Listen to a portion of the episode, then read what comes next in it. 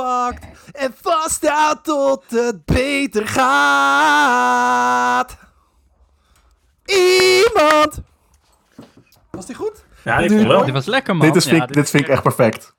Hallo iedereen en welkom bij een nieuwe aflevering van de Digital, of gewoon, wat is het ook alweer? De Gewoon Digital Man podcast. ja, we moeten, we moeten nog even wennen. Het is aflevering 2. Ik ben ook nieuw. Eh, maar ik ben niet de enige die nieuw is, want we hebben, zijn namelijk met z'n vijven. Eh, en met mij zijn Ian, Bart, Jori en Niels. Welkom jongens. Yo. Hallo. Ja, jij ook. Wat een enthousiasme. Ja, ben je ook zo blij dat we er weer zijn? Ongelooflijk. Nou, dit is de tweede aflevering die we samen gaan opnemen. De vorige keer was het een, eh, een daverend succes. Om eh, voor de nieuwe luisteraars die net binnen zijn gekomen en denken, waar luister ik naar? Nou, je luistert naar eh, vijf enthousiaste, eh, of nou vier enthousiaste witte jongens en één minder enthousiaste bruine presentator. Die, eh, die het gaan hebben over ja, eh, tech. Eh, we zijn allemaal webdevelopers, maar ook ja, wat meer gebruikelijke dingen in het leven. En omdat wij zo heel interessant zijn, dachten we, we nemen een podcast op. Hey. Eh, nou, wat ik net al zei, hè, we hebben dus al een eerste aflevering opgenomen. En we hebben daadwerkelijk wat reacties gekregen ook van, eh, van, onze, van onze vaste luisteraars al. Eh, want we hebben al een hele fanclub opgebouwd, eh, Ja. zoals jullie snappen. Ja, Dat kan ook niet anders met zo'n host. we zijn nu te beluisteren op YouTube, Spotify, Apple Podcasts, Google Podcasts. En we zijn ook te volgen op Twitter en Instagram. Dus eh, ja, de, de vragen stroomden massaal binnen Twitter natuurlijk. en Instagram? Dat zijn heel, Ehm, ja, jongen. Volg het. Volg het heel op veel- Insta. Dat zijn heel veel kanalen waarop we niet gevolgd worden ook. Dus dat is wel heel fijn om eh, Ja, op dus, te eh, hebben in ieder geval. Ja, dus eh, ja, eh, voeg ons toe. En er kwam een hele belangrijke vraag binnen. Dat was op welk adres ontvangen jullie fanmail? En dat kan je dus sturen naar mailen@gewoondigital.nl. Ehm, Mailen, at, welke Gewoon e-mailadres? digital man, toch? Neem ik aan. mailen@gewoondigitalman.nl. En mailen, is dat dan M-E-E-L of M anders? Nou, ik zou je vertellen, het werkt allebei. Hey, Dus, daar heb ik dus- over nagedacht. Maar, en, en, en, maar werkt dan alles? Ja, Elk e-mailadres? Dus ook, ja maakt niet uit, at gewoon digitalman.nl. juist, inderdaad. Oké. Dus eh, daar is, mag alle fanmail heen. Ehm, ook Bart, geadresseerd Bart aan Sam persoonlijk. at gewoon Ja. digitalman. Dat werkt. Nou, dan gaan we Ehm, die erin houden, jongens. En verder Mocht, kwam er nog... mocht je dus nu al vragen hebben voor de, voor de luisteraar die nu al denkt... ik heb echt een dringende vraag of een brandende opmerking... mail dan naar bartiskut.gewoondigitalman.nl Precies.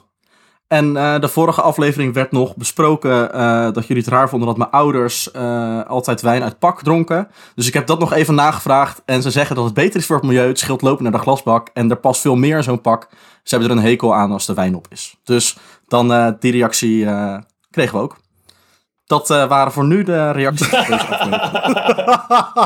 ja, waarom- Zolang jij nog thuis woont, moeten ze altijd zich zorgen maken of de wijn op is. Dus het, heeft, het heeft Ja, dat is echt- het is niet echt een Kijk, oplossing. ik ben zelf wel gezwicht onder de druk. Eh, ik ben zelf wel geswitcht naar dat een fles flessen. Nee, dat is een fles eh, wijn. Nog even net voor de lockdown eh, binnen gesleept. Precies. Nou, ik maakte me wel een beetje zorgen dat de slijterijen dicht zouden gaan toen ze zeiden...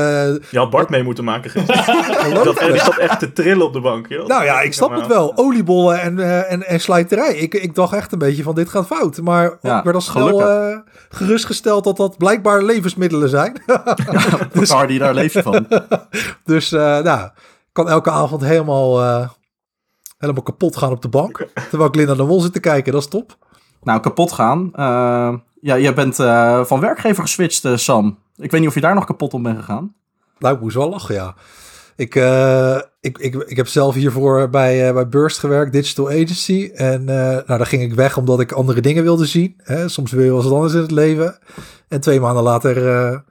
nou, ik ben dus ook bij een, nieuw, bij een nieuw bedrijf gaan werken. En eigenlijk twee maanden later heeft mijn nieuwe bedrijf mijn oude bedrijf overgenomen. Zo zou je het een beetje kunnen zien. Dus eh, we zijn weer collega's. eh, ja, in dit geval Jori. Heel leuk, gezellig. Ja, ik heb er heel veel zin in. Eh, ik heb gehoord dat ze je binnenkort toelaten in het eh, pand als we weer open mogen. Dus eh, ja, we zitten, we, zitten met je, we zitten met smart op jou te wachten natuurlijk. Ja, dat zal ik wel. Ja, ja goed. Ik weet niet zo. Ja, nou ja, goed. Lijkt me le- leuk. We moeten, we moeten maar even kijken hoe het loopt. Laten we daarop houden. Eh, hebben jullie verder voor het, van het weekend nog iets bijzonders meegemaakt of zo? Om even te beginnen met een, met een lichte, lichte noot. Een beetje met een, met een mooi verhaal. Heeft er iemand nog iets dat je zegt van nou, dit, was- dit was leuk dit weekend? Of, of gisteren Nou. een opmerking over de, over, de, over, de, eh, over de toespraak van Rutte en de nieuwe lockdown? Nou, ik, nou, niet per se over de nieuwe lockdown. Maar kijk, wat ik wel moet zeggen is, ik dacht, ik, ik, heb, ik had helemaal voorbereid, ik ga een heel item hebben hier zo over Cyberpunk 2077. En ik vorige week gepreload op woensdag. Ik dacht, dit wordt helemaal top. Zet ik hem aan. En eh, ja, ik weet niet wat ik zag. Dit is eh, een van de slechtste games die ik ooit heb, heb mogen opstarten op, op, op mijn PS4 op release date. En eh, ik weet niet, Sab, jij bent natuurlijk ook vervet gamer. Heb jij hetzelfde meegemaakt of heb jij een slimmere keuze gemaakt dan ik? Ik heb sowieso een slimmere keuze gemaakt. Ik, ik, ik pre-order nooit games omdat het altijd een teleurstelling is. Want ik heb denk ik twee of drie keer een game gepre-orderd in mijn leven. En dan kwam die niet op de pre kwam die niet op de dag van de release. Hè. Dan wordt die een dag later gereleased en dan kan ik niet wachten. Dus dan ga ik alsnog naar de Mediamarkt fietsen om te kopen. En dan heb ik hem twee keer. Dus dat wilde ik nu niet. Uh, en ik had ook al wat berichten. En ik wilde hem ook niet op dag 1 kopen. Want ik had al heel veel. Want hij was eerder ook al gelekt door verschillende retailers in de VS. En daar bleek al uit dat er heel veel bugs in zouden zitten. Dus ik had al. En The Witcher 3, het de vorige game van deze uitgever. had ook al heel veel bugs op de release. Dus ik had eigenlijk mezelf voorgenomen om te wachten. Uh, totdat ik een PS5 zou hebben om deze game te spelen. Dus dat wordt waarschijnlijk ergens in juli 2022. en uh, ja, dan zien we wel hoe de, hoe de staat van die game uh, is. En vanuit daar ga ik hem spelen. Maar wel kut voor je, man. 70 euro weggegooid, of niet? Ja, weggegooid. Ik hoop dat ik snel een PS5 of, of, of zoiets kan, kan fixen. Maar precies wat je zegt, dat zal nog wel even duren. Wat, wat heb je echt al gespeeld ook en lukt het gewoon niet? Wat, ja, ik, ik, nou, ik heb, Heel even de malaise. Ik zie het zo. Ik, nou, de malaise is, je zet, uh, je zet allereerst zet je, je PlayStation aan. Uh, dan, ga, dan zet je dat ding aan en dan stijgt die eigenlijk al door je kastje heen. Uh, dat, is al bij het eerste laadscherm. Nou, dan ga je starten, ga je een karakter maken. Nou, dan krijg je PS4, krijg gewoon een unknown error. Huppakee, die flikt dat hele spel ervan af. Nou, moet je weer opnieuw aanzetten. Uh, nou, uiteindelijk ben je een beetje aan het spelen. Dan speel je met ongeveer 18 fps. Kan je lekker rondrijden, een beetje schieten hier en daar. en, dan, en, dan, op het moment dat er de eerste cutscene die je te zien krijgt, daarin zie je twee karakters die tegen je aan het praten zijn. Die zijn er niet eens. Die, die, je, hoort alleen een soort van, je hoort alleen een soort van stemmen om je heen. En je denkt, wat gebeurt hier? Nou, en toen uh, ja, ben ik heel snel gestopt. Ja, ik begrijp echt niet hoe dat kan. Want dat ergens verderop een van de gekke edge cases zit, dat snap ik wel. Maar die eerste scène. Ja, ja maar ze, uh, ze hebben drie keer wij ook wel, toch? Ian, wij hebben ook wel eens producten opgeleverd. Waar, dat we ineens een wit scherm hadden na de eerste klik. dat, dat, er, dat er toch ja. ergens een error die afgevangen was. Ja, dat kan wel eens ja, gebeuren. Maar wat, Kijk ook naar deze game. Hij is dus. Bij, hij bij, dus bij niemand verwacht, uh, ons, bij ons verwachtte niemand iets. Maar ze wilden het volgens mij per se voor kerst gereleased hebben. En dat heeft er gewoon voor gezorgd. Ja. ja. ze hebben dag en dag doorgewerkt. En het is gewoon niet afgekomen eigenlijk. Nee. Nou, kijk, wat je ziet is dat. Die game is dus al acht jaar in, in, in development. En als je na acht jaar een, een, maand van tevoren nog steeds zoveel fouten hebt dat je hem moet uitstellen, heb je het niet ineens binnen een maand allemaal gefixt. Dan zit er gewoon in de core van je, van je spel zit er gewoon zoveel mis. Maar ik denk en, ook, dat, uh, dat, ik denk ook dat, het, ik denk dat dat heel belangrijk Kijk, weet je, dit, dit toont maar weer eens aan dat uh, die baas van CD Projekt Red, hè, de uitgever van dat spel, die heeft duidelijk niet goed naar mij geluisterd. Want, nou ja, kijk, als het niet af is, dan is het, is het niet, dan af. Is het niet af. en dan, dan, ja, dan kan je, kan je hoog springen, kan je laag springen. Maar als het niet af is, is het niet af. En dan zal je toch wat langer door moeten gaan. En uh, ja, dan kan je boos worden, je kan huilen, je kan, uh, je kan het al releasen, dat maakt allemaal niet uit, maar het wordt er niet beter van. Ja.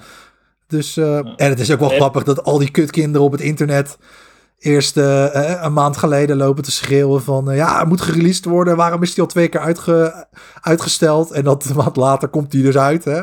En dan blijkt het ja. één grote puinzooi te zijn. En dan is het, waarom hebben jullie hem gereleased? Het is een puinzooi, ja. Nou ja, goed. Internet. Nou, ik had dus... refund is wel aangevraagd, uh, Jorrie. Nou, ik heb de refund aangevraagd, alleen PlayStation heeft een kut policy dat als je hem gedownload hebt, dat je niet meer mag refunden. Echt? Wat is dat? Ja. Nee, maar ja. het, CD ja. Projekt die heeft het uh, ook uh, uitgezet, hè? Dat zij... Uh, ja, nee dat, nee, dat klopt. Alleen, zij zeggen ook, volgens de officiële regelgeving van oh. PlayStation en Xbox, sowieso, wat is dat voor regelgeving? Als je hem gedownload hebt, dan mag je hem ook niet meer refunden. Dus dan, als je erachter bent gekomen dat het allemaal niet werkt, dan nog ben je gewoon de lul. Ja, Maar- het is wel heel vaak bij, bij software downloads en zo. Als je zo'n eh, key koopt, dan is het gewoon van ja, geen refund policy. Maar gaat de algemene wetgeving die je gewoon eh, in heel Europa hebt, 14 dagen niet goed geld terug, geldt dat dan? Dat zou toch ook gelden voor dit soort producten, zou je zeggen? Weet ik niet. Goeie vraag, Bart. Echt Ik vind een goede uitstekende vraag. Maar om Ik, terug te komen de op- klacht in. Bij Grapperhaus. Nou, om erop op terug te komen, Sam, wat jij zei over die kutkinderen die zeg maar zitten te schreeuwen van release dat ding. Ik las dus ook op Reddit en daar zo stond weer dat eh, de, de, de, lead game designer volgens mij, of in ieder geval een van de game designers, al op Twitter had gezegd dat hij eventjes van Twitter af zou gaan omdat hij zoveel doodsbedreigingen had gekregen Jezus. over het feit dat het spel niet werkte. Holy shit. Maar dat zijn ook Holy weer shit, echt inderdaad. next level Mongolen. Ja, je, je moet ook gewoon een spel afleveren wat werkt. Ik bedoel, eh, Anders moet je dood, blijkbaar. al- Anders anders moet moet je dood. Zo, zo is het ook alweer. Dat zijn gewoon belangrijke dingen in het leven.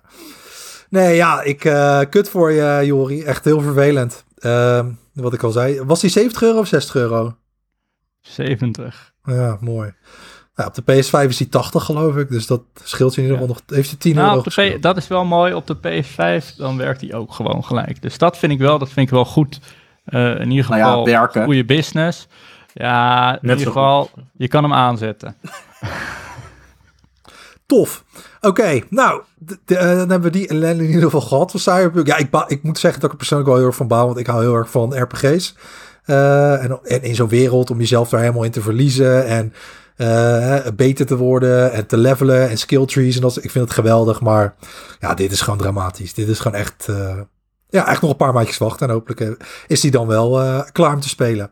Hey, ik wilde er was nog iets eh, heel, heel vervelends eigenlijk. eh, ik weet niet of het afgelopen weekend is gebeurd eigenlijk. Maar we zijn Ian bijna verloren.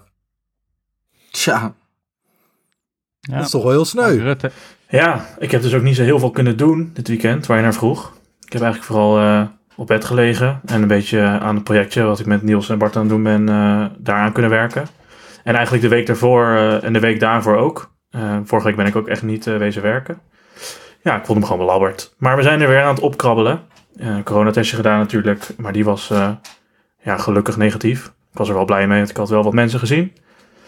Maar het, ja, het voelt wel heel erg als corona, dus het is maar afwachten wanneer ik er vanaf ben. Maar hoe weet jij dat het als Maar- corona voelt? Nou, het voelt gewoon bij alles wat ze zeggen over corona. Van het, het duurt best wel lang. Je hebt eerst een weekje koorts, dan heb je een weekje hoofdpijn. Het klinkt gewoon van als het, dat- als het verloopt. Maar ja, de test was negatief, dus daar ga ik ook vanuit. hoe eh, was het testproces voor jou? Ehm, nou, ik was eh, in Utrecht bij mijn ouders en daar heb je, toen ik me wilde laten testen. En toen, eh, daar heb je nu zo'n eh, XL-teststraat sinds een paar weken. En dat was, eh, ja, het, was, het, werd bijna leuk om een test te doen of zo. Dat was echt, dat was top. Het is natuurlijk gigantisch. Eh, het is echt niet normaal hoe groot het is. orgel. En dan, eh, sorry, wat zei je, Sam? Een orgel ook erbij. Orgeltje, iedereen was aan het zingen. Leuk. Het was gewoon top. Het was, eh, ja, ik kon naar binnen. Ik was een half uur te vroeg. En ik mocht gewoon naar binnen, want dan waren zij ook weer sneller thuis. En eh, ik deed die test en eh, een half uur later, eh, vanaf dat ik aankwam, was ik alweer thuis. En eh, nog een uur later kreeg ik de uitslag. Dus het was echt eh, goed geregeld. Tering, lekker snel. Hij was wel naar om te doen. Ik had hem al een keer gedaan in augustus. Die was wel eh, prima. Daar merkte ik niet zoveel van. Maar deze was wel echt... eh, want het is een snel test, dus het gaat dan weer anders. Maar goed, eh, het is eh, 30 seconden en dan ben je weer klaar. Nou, gelukkig gaat het goed mee. Dus je was weer snel terug eigenlijk. Ik was weer snel terug, maar ik, ik voel me dus wel nog vermoeid. Maar ik heb eh, geen koorts meer. En eh, ja, we zijn gewoon weer aan het werk. We zijn weer aan het knallen. En vanavond met jullie. Ja. gezellig. Wij zijn ook terug. En Ja, eh, wat jij was ook ziek, toch Sam? Ja, maar gaat wel weer goed. Maar wat er ook nog, wat er nog meer terug is. eh, de YouTube-downloader. Hey! Ja, dus eh laten we Ja. eventjes de, de release radar doen. Doe je nog je intro? Nee, moet je, jij moet hier nu een bumper in, eh, in monteren. Dus dan krijg je de... Wat een leuke bumper. Release radar. Super nice. Release radar. Nee, ja, ik zal er even snel doorheen lopen. Eh, de YouTube downloader die eh, is weer terug van weg geweest. Die stond op GitHub en het is een tool waarmee je YouTube video's, maar ook wat andere van andere platformen video's kan downloaden. En in hun automatische test stonden wat referenties naar muziekvideo's.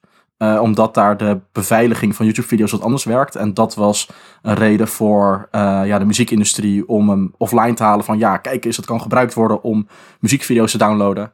Toen heeft de CEO van GitHub, Ned Friedman, die heeft persoonlijk contact opgenomen met de eigenaren van de repo via eh, IRC. En gezegd van oké, ik ga jullie helpen om dit weer online te krijgen. En nou, na wat verschillend contact is het weer terug. Eh, en hij stelt ook 1 miljoen beschikbaar om eh, dit in de toekomst te voorkomen. Dus er komt een heel fonds waarmee ja, developers die dit soort tools maken zich zeg maar kunnen weren tegen ja, dit soort grote industrieën.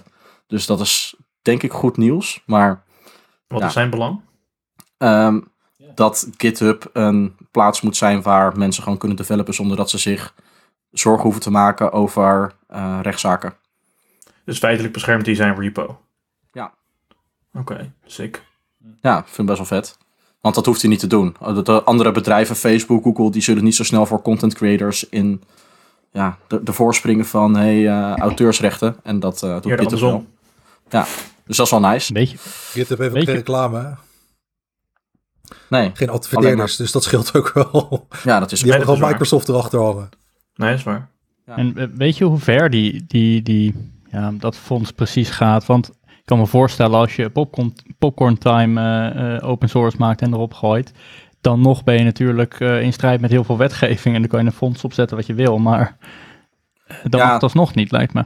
Ja, ik, ik, ze hebben volgens mij ook nog niet precies bekendgemaakt over hoe dat verdeeld gaat worden. Maar, ehm, want ik, eh, Popcorn Time heeft ook een tijdje open source gestaan. Die is toen ook offline gehaald. Mhm. Maar bepaalde technologieën die daar dan nu weer achter zitten, die zijn op dit moment ook gewoon open source te vinden.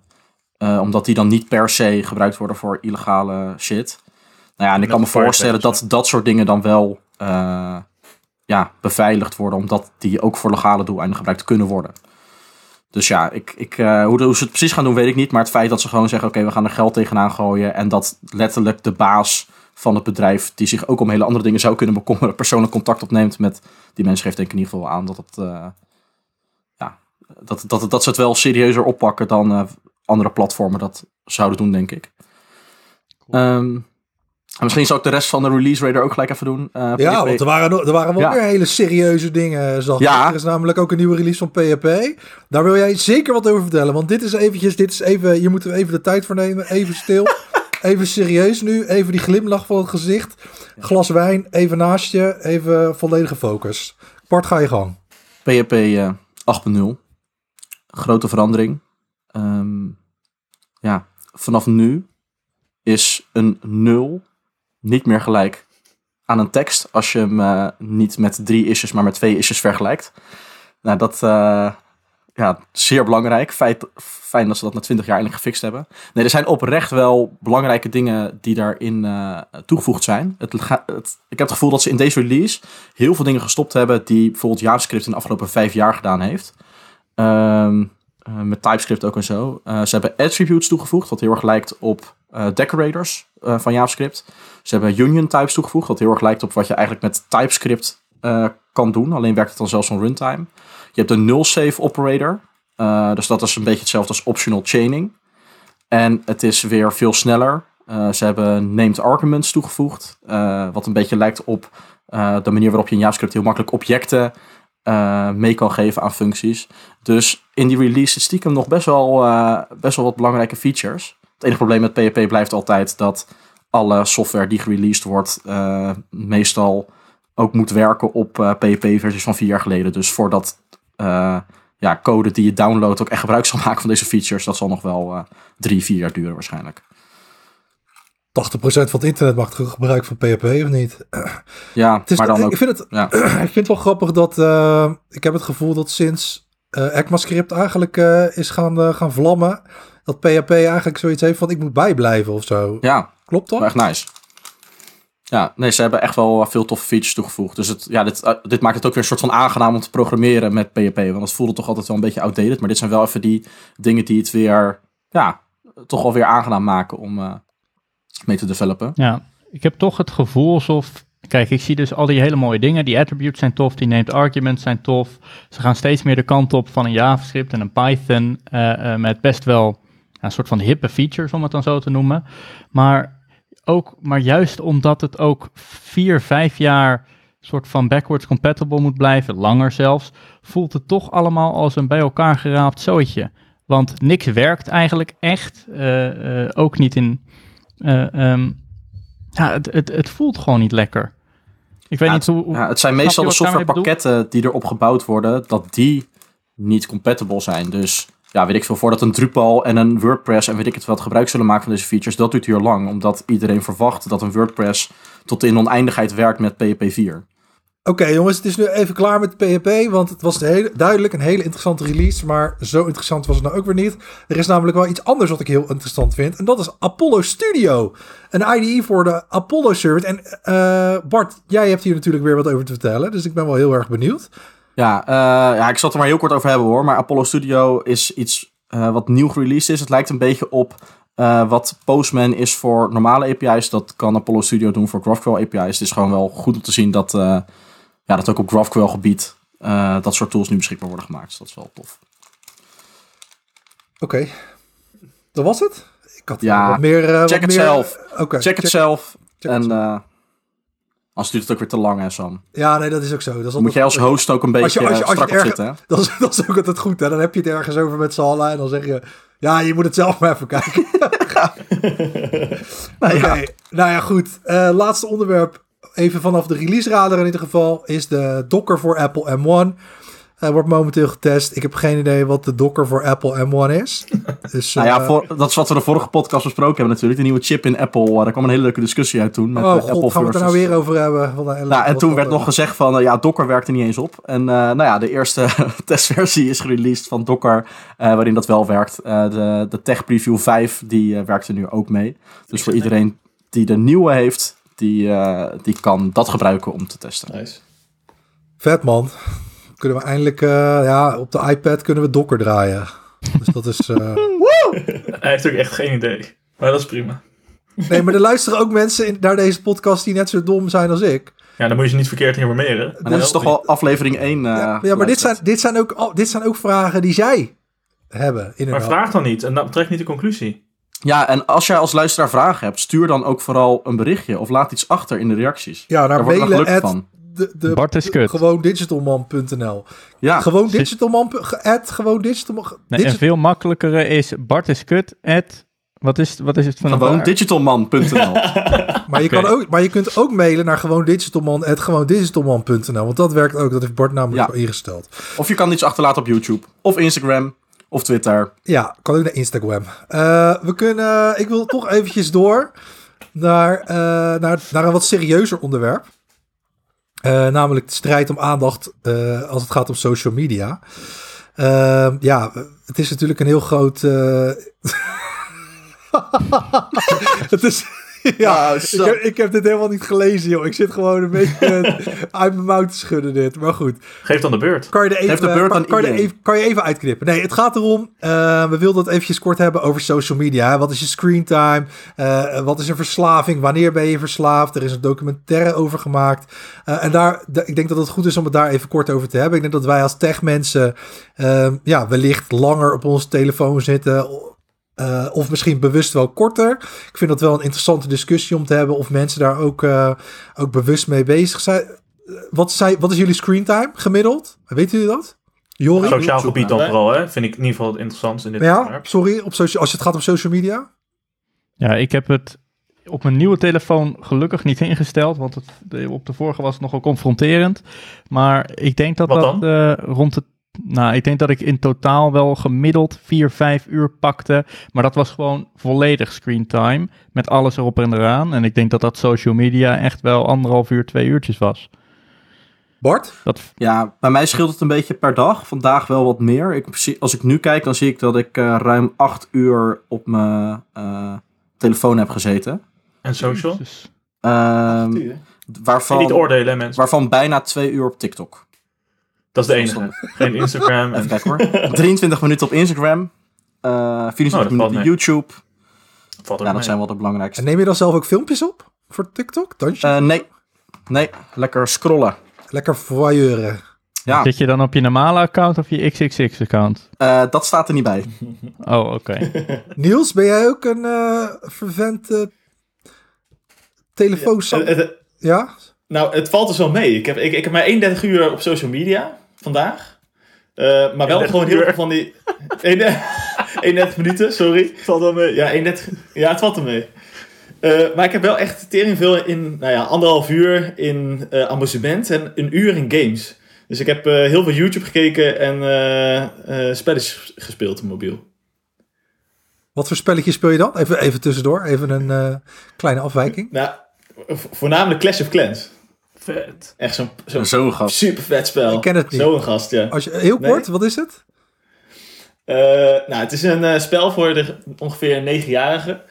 Eh je, je, je kan het vergelijken Pas met nou op. Farmville, maar dan zeg maar met, eh met eh, ridders. Nee, het is gewoon, je moet letterlijk een beetje tegen andere dorpjes battelen. En eh, het is gewoon, eh, zij willen gewoon kasten veel geld hiermee verdienen. Maar ja, het, het, het is toch een beetje addicting eh, voor mij. Een soort TikTok. Ja. Ja, een soort van TikTok. Dus je, je moet het eigenlijk maar gewoon even proberen. Dan, eh, dan weet je echt wat het is. Oké, ja, leuk. Nee, als jij je daarmee vermaakt met spelletjes voor negenjarigen, dan... eh, Ja, want dit, dit, he- dit hele onderwerp van die social media aandacht. Dat, dit, dit hele onderwerp van die social media, daar, daar, daar kwam ik op vanwege Ian. Want Ian die had eh, een of andere docu gekeken op Netflix, een social dilemma. En ik heb hem ondertussen ook gezien. Eh, ik weet niet wie hem nog meer gezien hebben. Eh, ik, ik zie Jorik Ja, knikken. ook. Niels ook. Ja, eh, die gaat heel erg, ja, eigenlijk tweeledig. Eén over dat mensen gewoon oprecht steeds meer verslaafd raken aan hun telefoon. En anderzijds dat mensen door de algoritmes van social media eh, ja, in de faaltjesfuik terechtkomen. Daar hebben we het vorige aflevering ook al even over gehad. Maar vooral het eerste gedeelte over hoe mensen verslaafd raken. Eh daar komen best wel wat mensen aan het woord daar die daaraan hebben bijgedragen en ondertussen spijt hebben van hun uitvinding, om het even zo te zeggen. De persoon die de like-knop heeft uitgevonden. De persoon die eh, het principe oneindig scrollen heeft uitgevonden. Ehm, ja, er zijn best wel wat tactieken die bedrijven op dit moment toepassen om mensen verslaafd te maken en verslaafd te houden. En ja, dat hele principe vind ik best wel interessant, omdat we daar ons misschien minder van bewust zijn dan zou moeten. Ehm, dus ik denk dat ook vragen die daarbij opkomen zijn van moeten wij ons als personen aanpassen eh, eh, of moeten de bedrijven zich aanpassen? Eh, en hoe ga je dat voor elkaar krijgen? Dus ja, ik weet niet of jullie daar echt over nagedacht hebben. Ehm, Nou, kijk, uiteindelijk, als je kijkt naar die documentaire, zie je ook die, al die engineers ook zelf zeggen dat de bedrijven eigenlijk zelf gedesigned hebben. Eh, eh, hoe kunnen wij mensen zo lang mogelijk naar hun telefoon laten kijken? Eh, hoe kunnen we ervoor zorgen dat ze, als ze op een filmpje klikken, dat ze nog een keer op een filmpje gaan klikken? Ja. Ehm, en ja, ik merk wel dat ik daar zo ontzettend vatbaar voor was. Ehm, en ik, ik heb dat zelf voor, voornamelijk op YouTube heel erg. was? Ja, was. Omdat, nou, ik- in ieder geval, ik heb, ik heb op mijn nieuwe telefoon, nu al twee weken, drie weken, heb ik geen eh, Facebook staan. En ik heb geen Mm. Twitter, ik heb geen Instagram. Oh, ja. En eh, ik probeer het vol te houden. Want da- dat waren voor mij de media waarbij je dan, dat zet je maar even aan. Ik zit nu toch niks te doen, dan ga ik al even scrollen. Ja. Ehm, maar ik had voornamelijk, ik had dat op YouTube, dat ik telkens maar video na video na video keek. En het, omdat het me net niet interesseerde, maar net op de grens zat van ja, het interesseert me misschien toch wel. Eh, ik kijk deze review ook wel eventjes. Oh, en deze YouTubers, de, de heeft best wel catchy titel. Even kijken. En ik weet niet, voor mij was YouTube dat heel erg. Hebben jullie speciale social media waar jullie een soort van in verdrinken? Ja, voor mij is dat echt TikTok. En ik weet niet of, of er meer mensen zijn hier die überhaupt TikTok hebben of dat überhaupt ooit openen. Ja, ik denk dat Nee. het een van de Ik meest nooit- verslavende dingen is. Ik heb nog nooit TikTok open gehad. En het trekt me ook totaal niet. Maar ik ben natuurlijk ook 6, 7 jaar Oud. ouder dan jullie. Dus misschien eh, ligt dat daaraan. Ja, nou ja, ik dacht zelf, want zeker toen ik erop kwam, was het ook echt te oud voor mij eigenlijk. Eh dan was het, ja, het stond gewoon bekend als dat ene platform waar alleen maar 13-jarige meisjes op zaten. Maar toen werd het toch eens geadviseerd door iemand van, joh, je moet, eens, je moet het eens checken, ben want dat toch valt wel mee. maar van dat valt wel mee, dat, dat is niet meer zo. En eh, ja, dat, dat klopt inderdaad, want het is gewoon, denk ik, ook voor ondertussen alle leeftijden leuk, omdat er gewoon genoeg content op staat voor ieder wat wils. En het algoritme wat daarachter zit is gewoon tering goed. Het is echt dat ze En, en je, wat ik, het enige wat ik wel heel grappig eraan vind, is dat je merkt dat de mensen die op TikTok zitten ook doorhebben dat het algoritme er is. Dus bijvoorbeeld dat mensen dan reageren op bepaalde posts van ik reageer hierop zodat ik meer van dit soort video's krijg. Of ik like dit, zodat, ja, dus mensen weten ook van, oh, ik moet meer informatie geven aan TikTok, want dan krijg ik betere video's terug. En ja, dat, dat hele principe van TikTok, gewoon puur je opent de app en je gaat net zo lang scrollen. Eh, je, het hele principe van je moet echt mensen volgen en zo, dat, dat heb je niet zo op TikTok. Het gaat niet om, eh, het gaat wat veel minder om het krijgen van veel volgers. Het is gewoon, je opent het en er staat content voor je klaar. En dat, dat principe is super verslavend. Hoe, zit- hoe zit dat bij jou dan, Sam? Want je zegt, jij, jij bent natuurlijk een stuk ouder, maar heb, heb, heb jij dat niet meegemaakt? Zo'nzelfde soort van shift waarbij je in een social media of een content platform gewoon een soort van verdronk. Nee, eigenlijk Eh. niet. Als ik heel eerlijk ben. Ik, dat is niet echt... eh, Meer met games misschien? Nou ja, gamen is, is, is wel iets waar je natuurlijk... Maar dan verlies je je in een soort wereld natuurlijk. Hè. Dat, is, dat, dat, ja, dat is toch iets anders dan... dan het is ook wel niet. content, maar... Ik weet niet of het anders is. Nou, het is niet geënt om jou zo lang mogelijk in een wereld... Het biedt je gewoon een verhaal, zeg maar. Eh, ik, ik speel ook geen multiplayer spellen of zo. Ik speel alleen maar singleplayer over het algemeen. Dus dat is gewoon een verhaal. En eh, ja, daar ga je in. En, en dan speel je het en dan is het klaar. Maar verder ben, heb ik nooit echt in een soort van fuik gezeten. Op YouTube heb ik dat ook nooit gehad. Dat ik daarin ben getrokken of zo. Eh, of tenminste, nou, ik was wel anderhalve maand vrij of zo eh, pas geleverd. Twee maanden toen ik ontslag had genomen. En toen raakte ik wel... eh, toen zat ik ineens heel veel chiropractor filmpjes te kijken. dus dat... dat maar nee, o- zeg maar oprecht. Maar je bent er nooit bewust in geraakt. Maar, Nou, maar ook niet. Kijk, als, ik zat nu net ook bijvoorbeeld te kijken. En ik zit 40 minuten per dag op social media. En dat is het. Voor de rest, nou, ik vind dat wel meevallen als ik heel eerlijk ben. Terwijl. ondertussen eh, komt Niels eh, binnenlopen met eh, een doos die de PostNL binnen heeft gebracht. Dat- ik- Nou, doos. vier dozen. Het leek Ja. eh dat is hij, 86 kerstcadeautjes die hij alvast Ja, binnen heeft. nou, maar Nee, dus ik heb, dat, ik heb dat nooit gehad. En ik heb ook nooit, zeg maar, toen ik 23 was, toen, ehm, ja, toen was Facebook wel wat hipper dan dat het nu is natuurlijk. En, maar je had ook nog wel eens een forum, weet je wel, op internet gewoon. Toen ik 18, 19 was, zat je nog wel eens Ja. op een forum.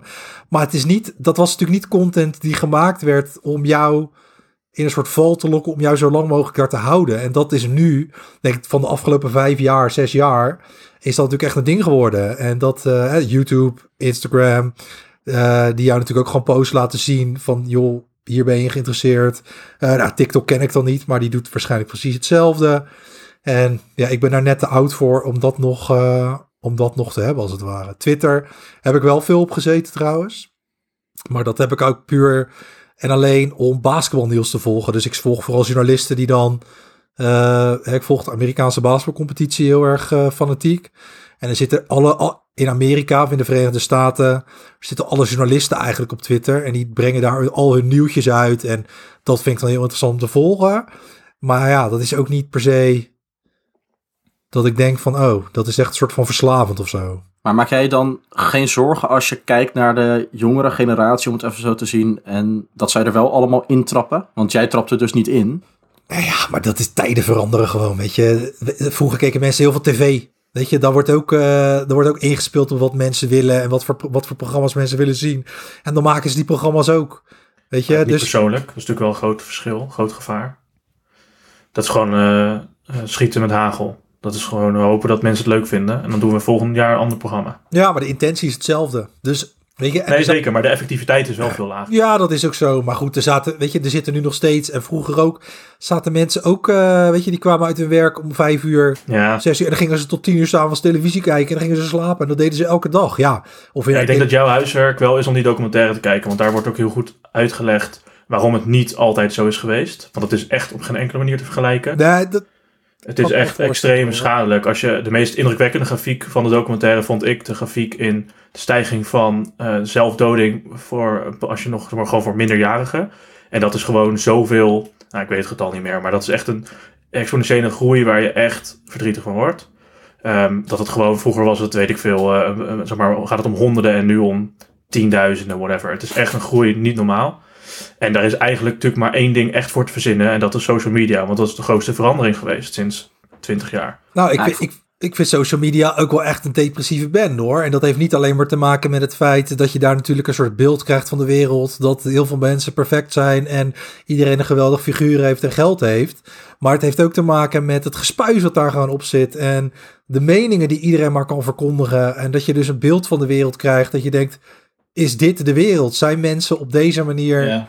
En is het zo verrot allemaal? En dat, dat vind, heb ik ook toen ik, heel, toen ik fanatiek twitterde. Toen dacht ik ook op een gegeven moment van, yo, als dit het is, what the fuck? Zijn deze, dit is echt niet goed hoor, als de wereld er zo aan toe, is.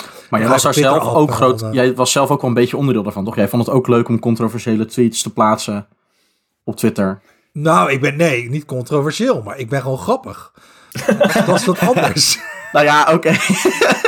ja, maar zo kan je het natuurlijk ook noemen. Maar Nee, ik maar weet je wel dat jij af en toe iets plaatste waar dan mensen ook weer heel giftig op konden reageren. Beetje provoceren.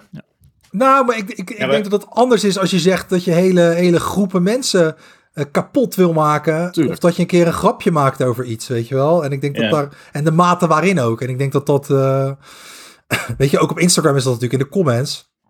Als iemand iets met zijn kind doet of met zijn huisdier doet, wat gewoon waar niet zoveel mis mee is, dan krijg je al, weet je wel, duizenden reacties als je hè, eh, relatief gezien aan je volgers.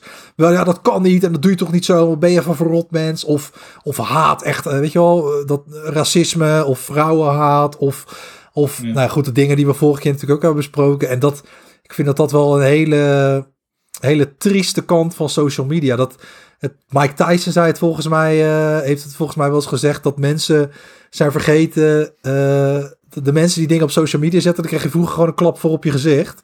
Maar ja, dat kan natuurlijk niet meer. Dus mensen zetten er alles op wat maar kan. Want het, ja, het heeft toch geen gevolgen, weet je. Je kan alles spuien wat je wil zonder gevolgen. Ja, en dan komt je... Ja, goed. Je kan daar heel ver... Je kan daar heel lang over doorgaan, want dat heeft natuurlijk heel veel... Maar dat, dat heeft natuurlijk niet per se er ook voor gezorgd dat mensen zich ineens meer op hun telefoon gaan zitten, denk ik. Ik denk dat dat vooral komt door de technieken die de social media bedrijven die erachter zitten eh, ja, toepassen.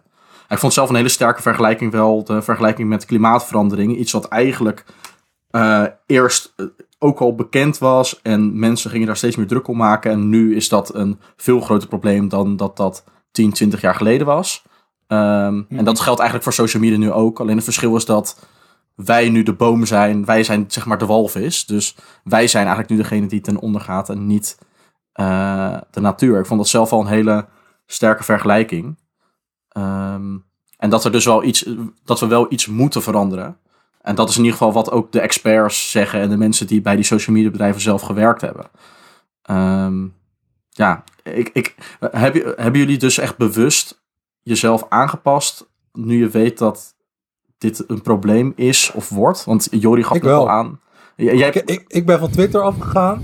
Ik heb ook wel eens periodes dat ik mijn Instagram-app echt verwijder. Hè. Als ik zie gewoon van, joh, ik zit te vaak te scrollen, haal ik hem eraf. En dan merk ik ook dat ik ehm, eigenlijk één dag of twee dagen, dan ben ik een soort van gewend om daar weer terug naartoe te gaan. Maar dan is die er niet. En na twee dagen dan is het ook echt zoiets van, dan denk ik er niet eens meer aan. Dan is het er ook gewoon niet.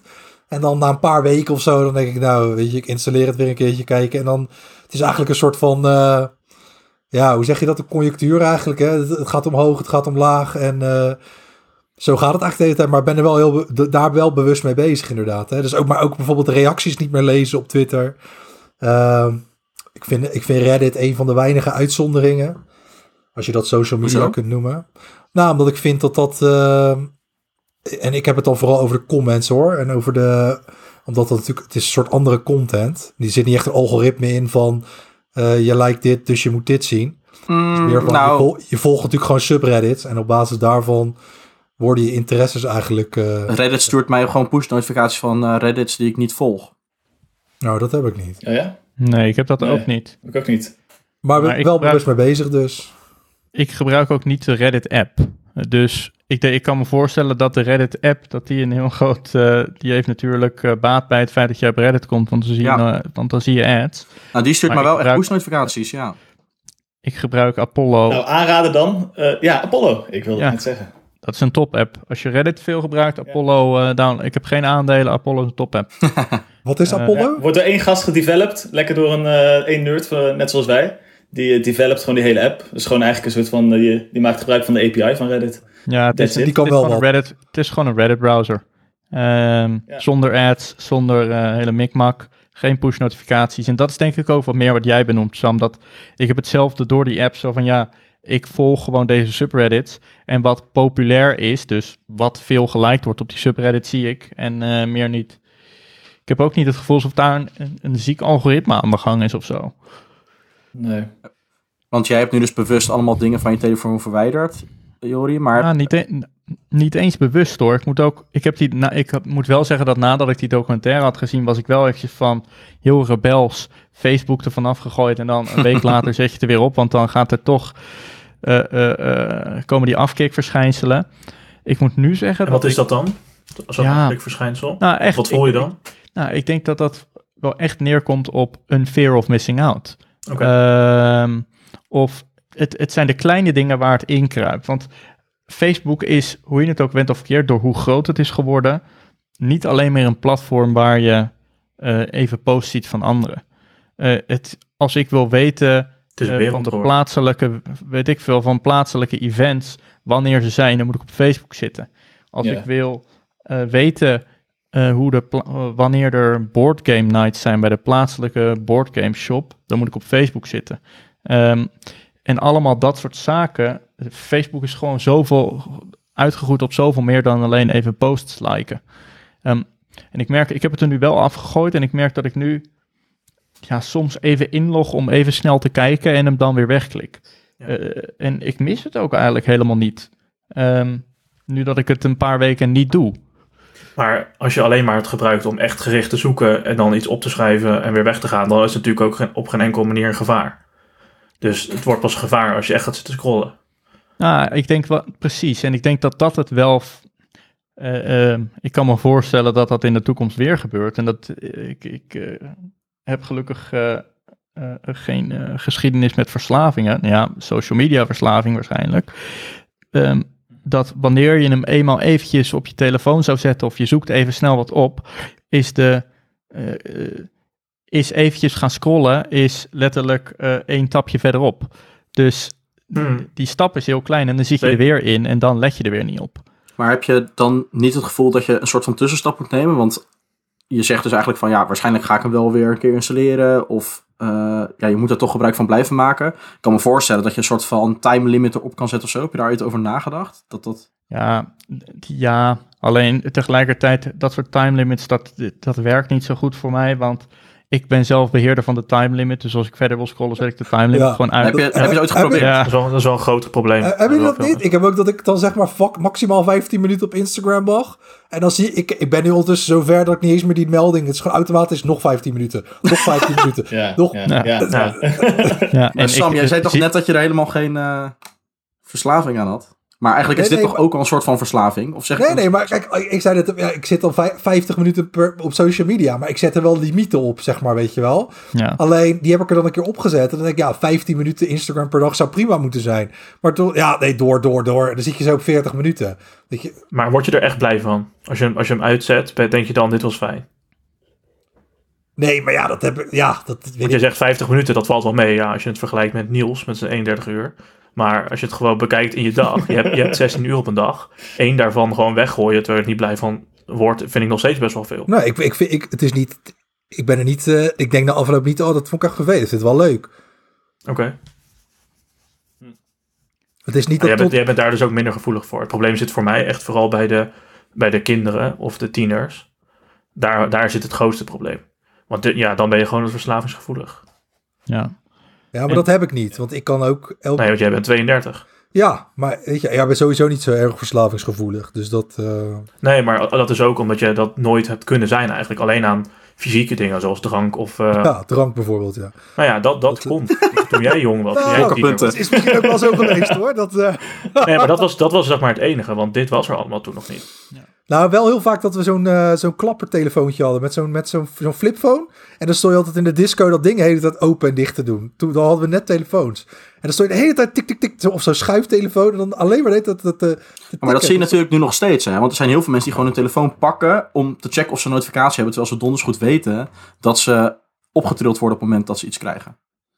Ja, wij, wij keken niet eens op de telefoon. Het was alleen maar schuiven. Dat was een soort van tik om gewoon alleen maar de hele tijd zo tik, tik, tik, tik, tik. Ja, een soort Maar er is zelfs een, eh, fysieke aandoening voor, hè, die je krijgt na een tijdje. Dat is echt zo dat je, eh, je krijgt geen melding, maar je, omdat je hersenen zo verslaafd zijn, gaan ze wel letterlijk fysiek het gevoel voelen alsof je getrild Ja. wordt. Terwijl de trilling er echt Nou, niet ik heb dat oprecht. Ik heb dat ook. Ik heb dat eigenlijk best wel vaak. Dan zit ik op de fiets en dan eh is mijn mobiel in mijn zak. En dan opeens, oh wacht, hè, gaat af, pak ik hem eventjes. Nou, geen melding. En dan Ja. heb ik dan drie keer achter elkaar. Dat ik serieus Ja, omdat iedere keer je denk, hersenen denken, ja, je gaat waarschijnlijk nu een berichtje Ja. krijgen, want dat krijg je heel vaak.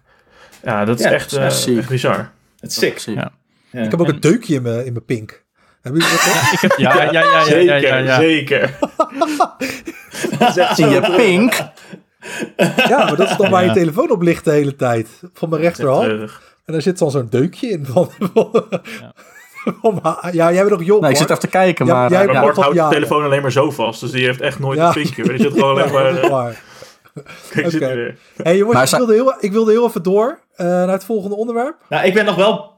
Nou, ik wil nog één ding aansnijden. Eh, en dat is wel zeg maar, omdat het ook zeker in mijn persoonlijk leven nu heel veel is. Eh, dus ik ben benieuwd hoe jullie dat nu ervaren. Want, eh, nou, zoals jullie weten, het is al een aantal keer eh, benoemd. En eh, ik ben, er wordt erom geroost dat ik gelovig ben en dat ik christelijk ben. En bij mij in de in mijn, ja, echt. En in mijn kring is zeg maar coronavaccin, dat is best wel gewoon een ding. Je hoort gewoon van veel mensen dat zij zeggen, dat ze echt een soort van twee kampen zijn. Zeggen ze ja, ik ga het echt doen. Nee, ik ga het absoluut niet doen. En ik hoor van mensen die niet uit de gelovige kring komen dat het daar misschien veel minder is. Maar eh, zeker social media speelt daar echt een bizarre rol bij. Want eh, veel van veel van mijn kennissen die geven dan redenen van. eh, nou ja, dat, dat, dat de kinderen, zeg maar, abortuskinderen zijn gebruikt om te testen. En nou ja, allemaal, weet ik veel, allemaal, allemaal bizarre redenen ervoor. Die ze van social media afhalen. Dus je kan gewoon bijna niet meer onderscheiden wat is nou echt of niet door dat hele social media. Omdat iedereen deelt alles daarop. Ja, het is echt onmogelijk. En ik, ik vroeg me gewoon af hoe jullie, hoe, jullie zeg maar, zoiets ervaren. Bijvoorbeeld rondom het coronavaccin. Ja, ik heb hier toevallig eh, vrij recent, vorige week nog, heb ik een discussie gehad met mijn ouders. Want die zijn ook, op dezelfde manier zijn ze hier best wel vatbaar voor. Omdat zij ook eh, op de een of andere manier wel eh, hevig gebruikers zijn van social media, maar niet weten hoe het werkt. En dus zich totaal, Ja. totaal niet bewust zijn van het feit dat er een algoritme achter zit en dat wat er hier opgezet wordt niet, eh, niet per se nieuwsbronnen zijn. En eh, dan, dan komen mijn ouders komen met dingen als, ja, ik heb deze docu in deze documentaire eh, zeggen ze dat corona helemaal nergens over gaat en dat het allemaal bedacht is. Ja, en dan kijk je daarnaar en dan denk je, ja, dit is geen documentaire. Dit is gewoon een of andere gast die heeft op Vimeo een Windows Movie Player video in elkaar Maar het is ook vaak heel goed en heel professioneel. Ja. Het staat echt niet alleen mis bij oude mensen hoor. Nou, Mensen van onze leeftijd die gaan er ook gewoon in voorvallen. ja, maar eh, het zijn ook zoveel bronnen, zeg maar. Er zijn zoveel verschillende bronnen waar zoveel informatie op staat. Je kan het ook niet factchecken, Hmm. eigenlijk alles. Het is gewoon te veel informatie wordt er verspreid. Dat je gewoon... En ik het- weet ondertussen ook niet meer wat is nou wel echt en wat Ja, niet. maar ik denk Ja. dat ik, heb jij niet van dat jij wel redelijk kan onderscheiden wat een betrouwbare bron is en wat niet? Ja, ik denk het wel. Ik denk, voor mijn gevoel wel. Eh, maar is dat ook omdat ik in, die, in mijn eigen bubbel zit? Eh, Dat kost wel heel veel tijd ook hoor. Dat moet je wel willen doen. Ja, dat ook. Ja, Dus Ja, maar gewoon je- gemakzucht om te geloven wat mensen zeggen. En dan zien ze 100.000 shares en denken ze, oh ja, het zal wel waar zijn. Ja, maar dat, Ja, dat kijk, is dus... de, dat de dus mediawijsheid. De mediawijsheid is in Nederland wel veel hoger dan in andere landen. Dus in principe zijn Nederlanders beter in het onderscheiden daarvan. Eh, Behalve maar die, die, je- die gisteren op pannen stonden te slaan. nou ja, maar dat, dat kan denk ik ook wel weer deels door leeftijd komen. Want ik denk wel dat, de, dat, dat mensen met een jongere leeftijd die hiermee opgroeien... er wel beter in zijn om ja, Ik vraag me dingen af. te onderscheiden. Je, je ziet nog steeds zoveel mensen die gewoon echt meegaan daarin en die in, in scams trappen. Ehm, wat ook gewoon van hetzelfde, hetzelfde soort is. Want je kunt niet onderscheiden of het nep of echt is. Dat gebeurt echt wel veel. Het verschil is dat de jongere mensen iets meer op de hoogte worden gehouden. Mhm. Dus als er allemaal scams zijn, dan horen wij dat. En die oude mensen die horen dat niet. Dat, dat is het grootste verschil. Maar ik denk dat jongeren die niet zo technisch onderlegd zijn en ook gewoon niet ehm, eh, mega heel erg eh, helder zijn, zeg maar. Dat die er gewoon wel heel makkelijk intrappen. En dat is. eh, Ja, Ja, zeker. dat Ja, maar het gewoon- is dus wel in Nederland nog minder erg dan in andere dat landen. geloof ik. Dat is misschien dan eigenlijk nog wel erg. als het in andere landen nog erger is, ja.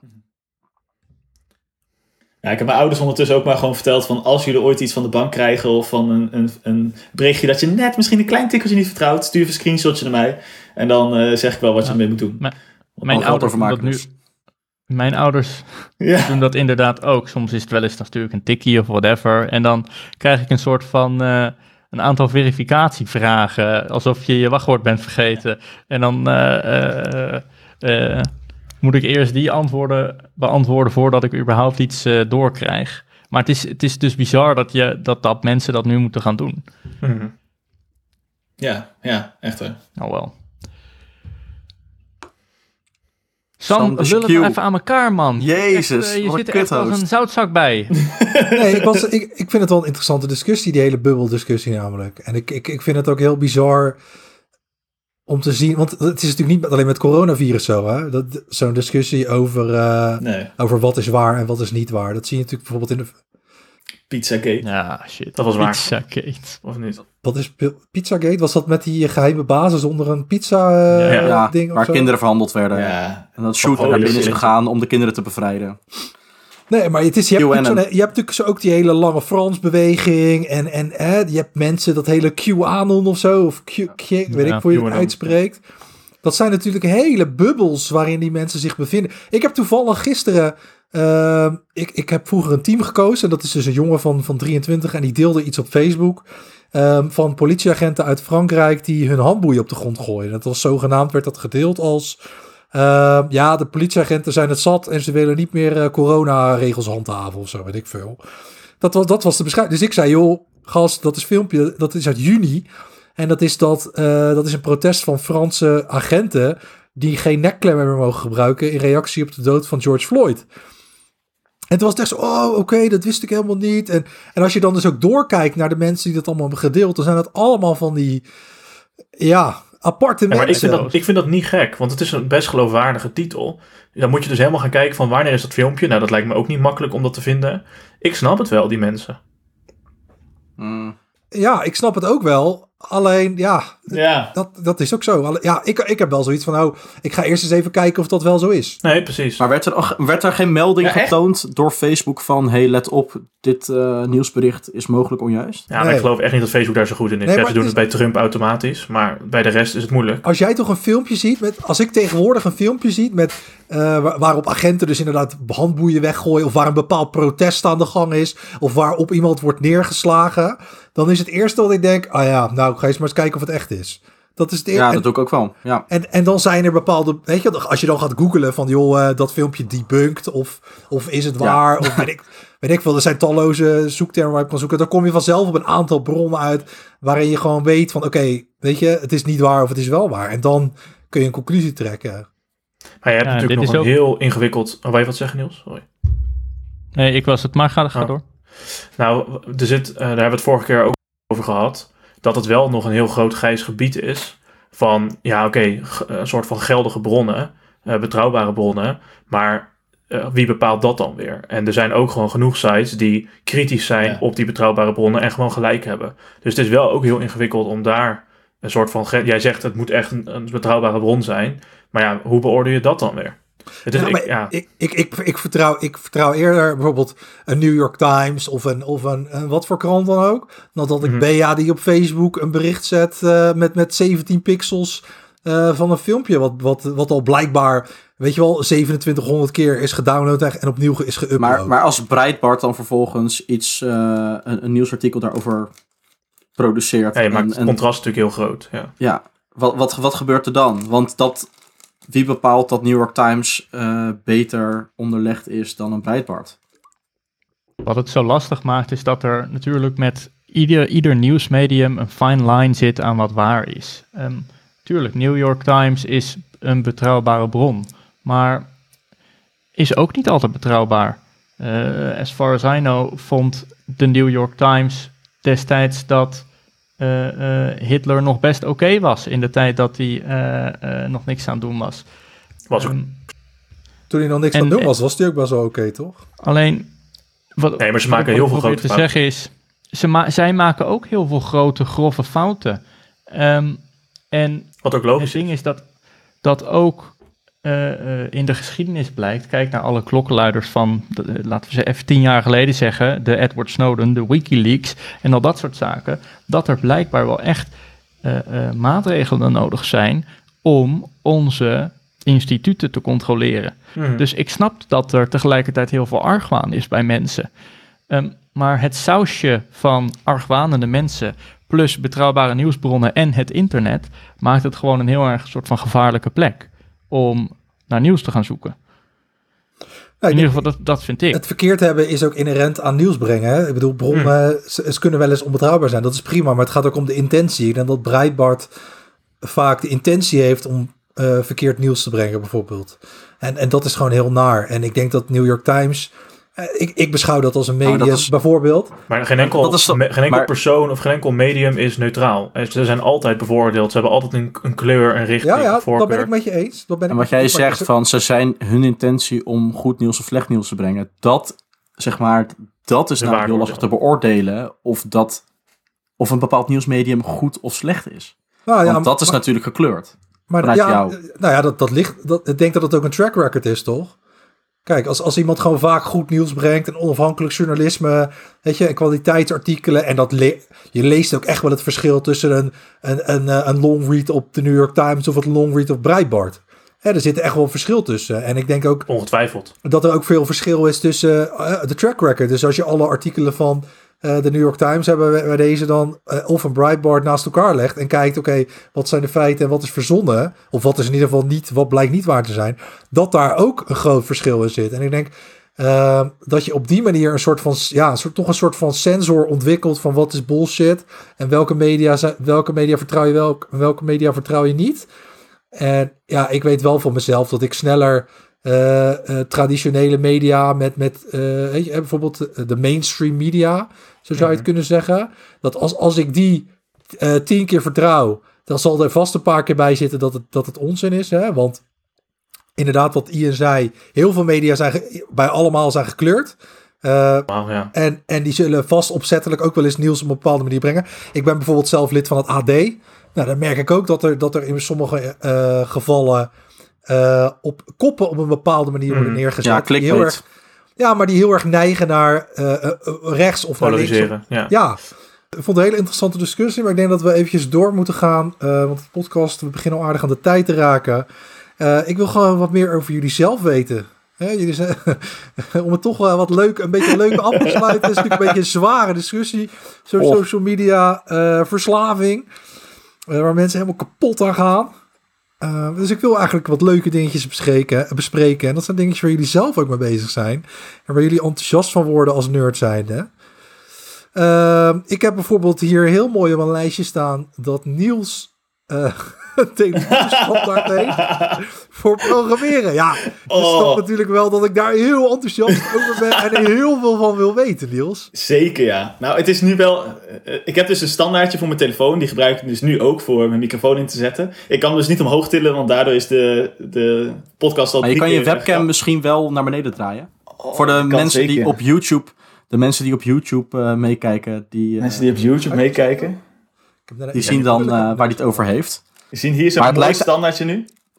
Ja, dat lijkt een beetje op zo'n standaardje wat, cam wat camera's ook wel eens hebben om dan drie centimeter boven een tafel te zetten met van die armpjes die je eh, eh, zelf kan bewegen om in een goede houding te zetten. ja, ja. Maar waarom ben je hier nou zo blij mee? Het Nou, waarom ik- Zo'n, eh, oh, nou, laat maar. Nee, laat maar Sam. Iedereen, Laat maar. Ja, jij Nee, dacht ik- het ook toch? Het niemand lijkt- dacht het.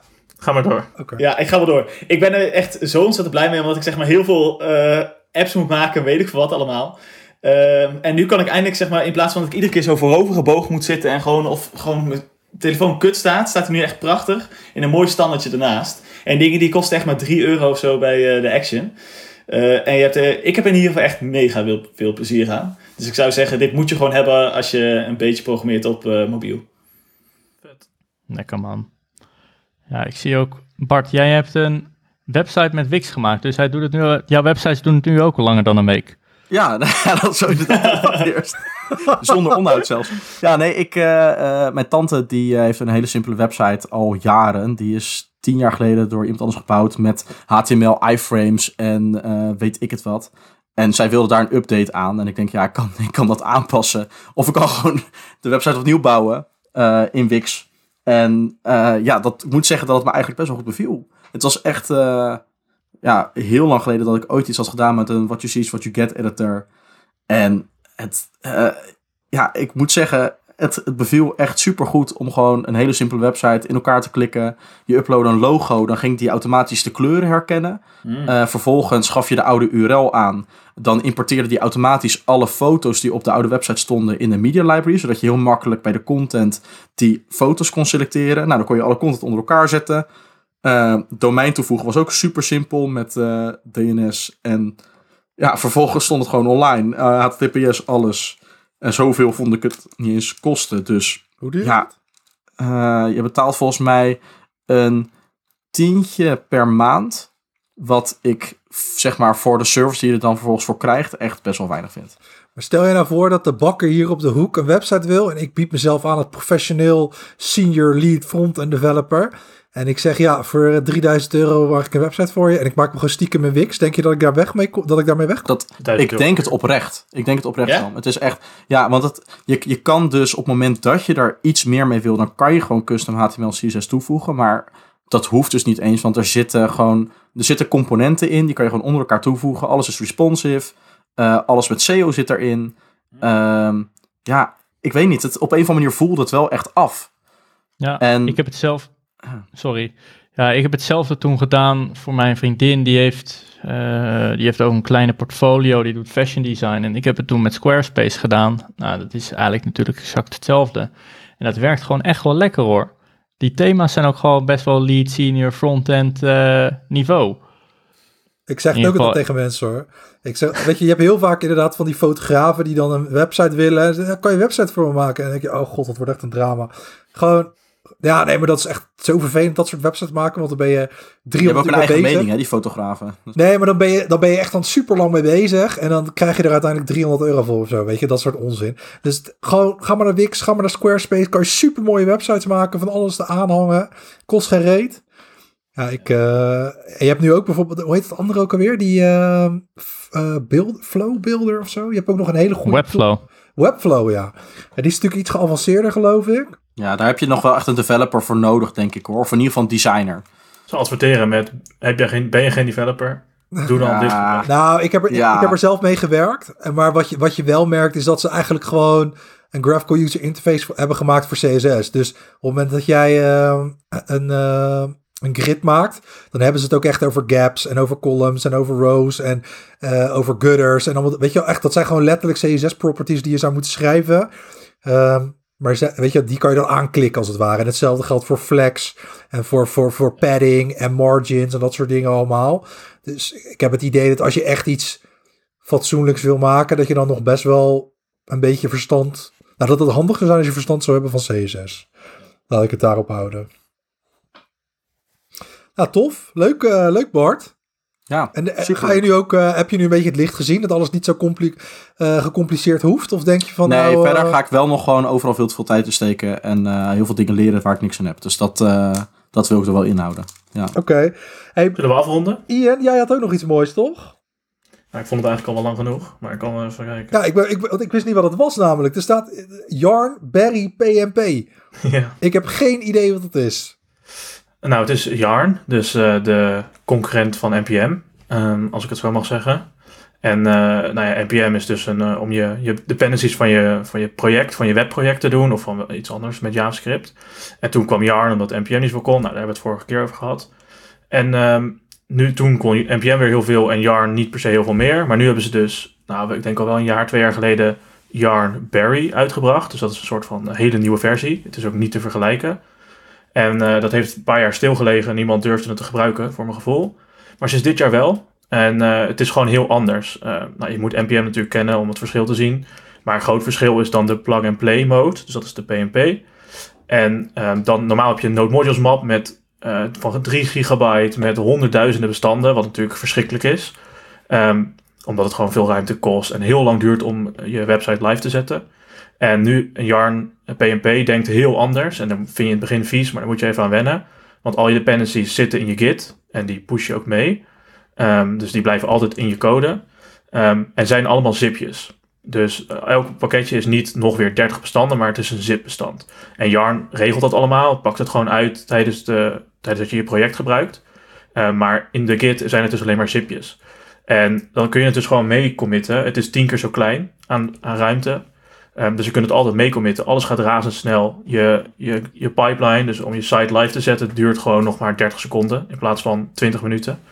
En ja, dat vind ik er gewoon heel tof aan. Het is al super complex, um, omdat het dus nog vrij nieuw is. En heel veel werkt er gewoon nog niet, niet meer mee. Dat moet je zelf gaan fixen. Maar na een, uh, ik denk vier dagen of zo, voor een project met uh, monorepo met 14 losse packages erin. Dus dat is wel groot. Dus daar heb ik vier dagen over gedaan om het helemaal om te schrijven. Um, en dat was het zeker waard voor ons. Um, dus misschien uh, als je een keer zeker wat simpel projectje hebt, probeer het vooral uit. Um, want het, uh, ik vind het echt wel heel vet.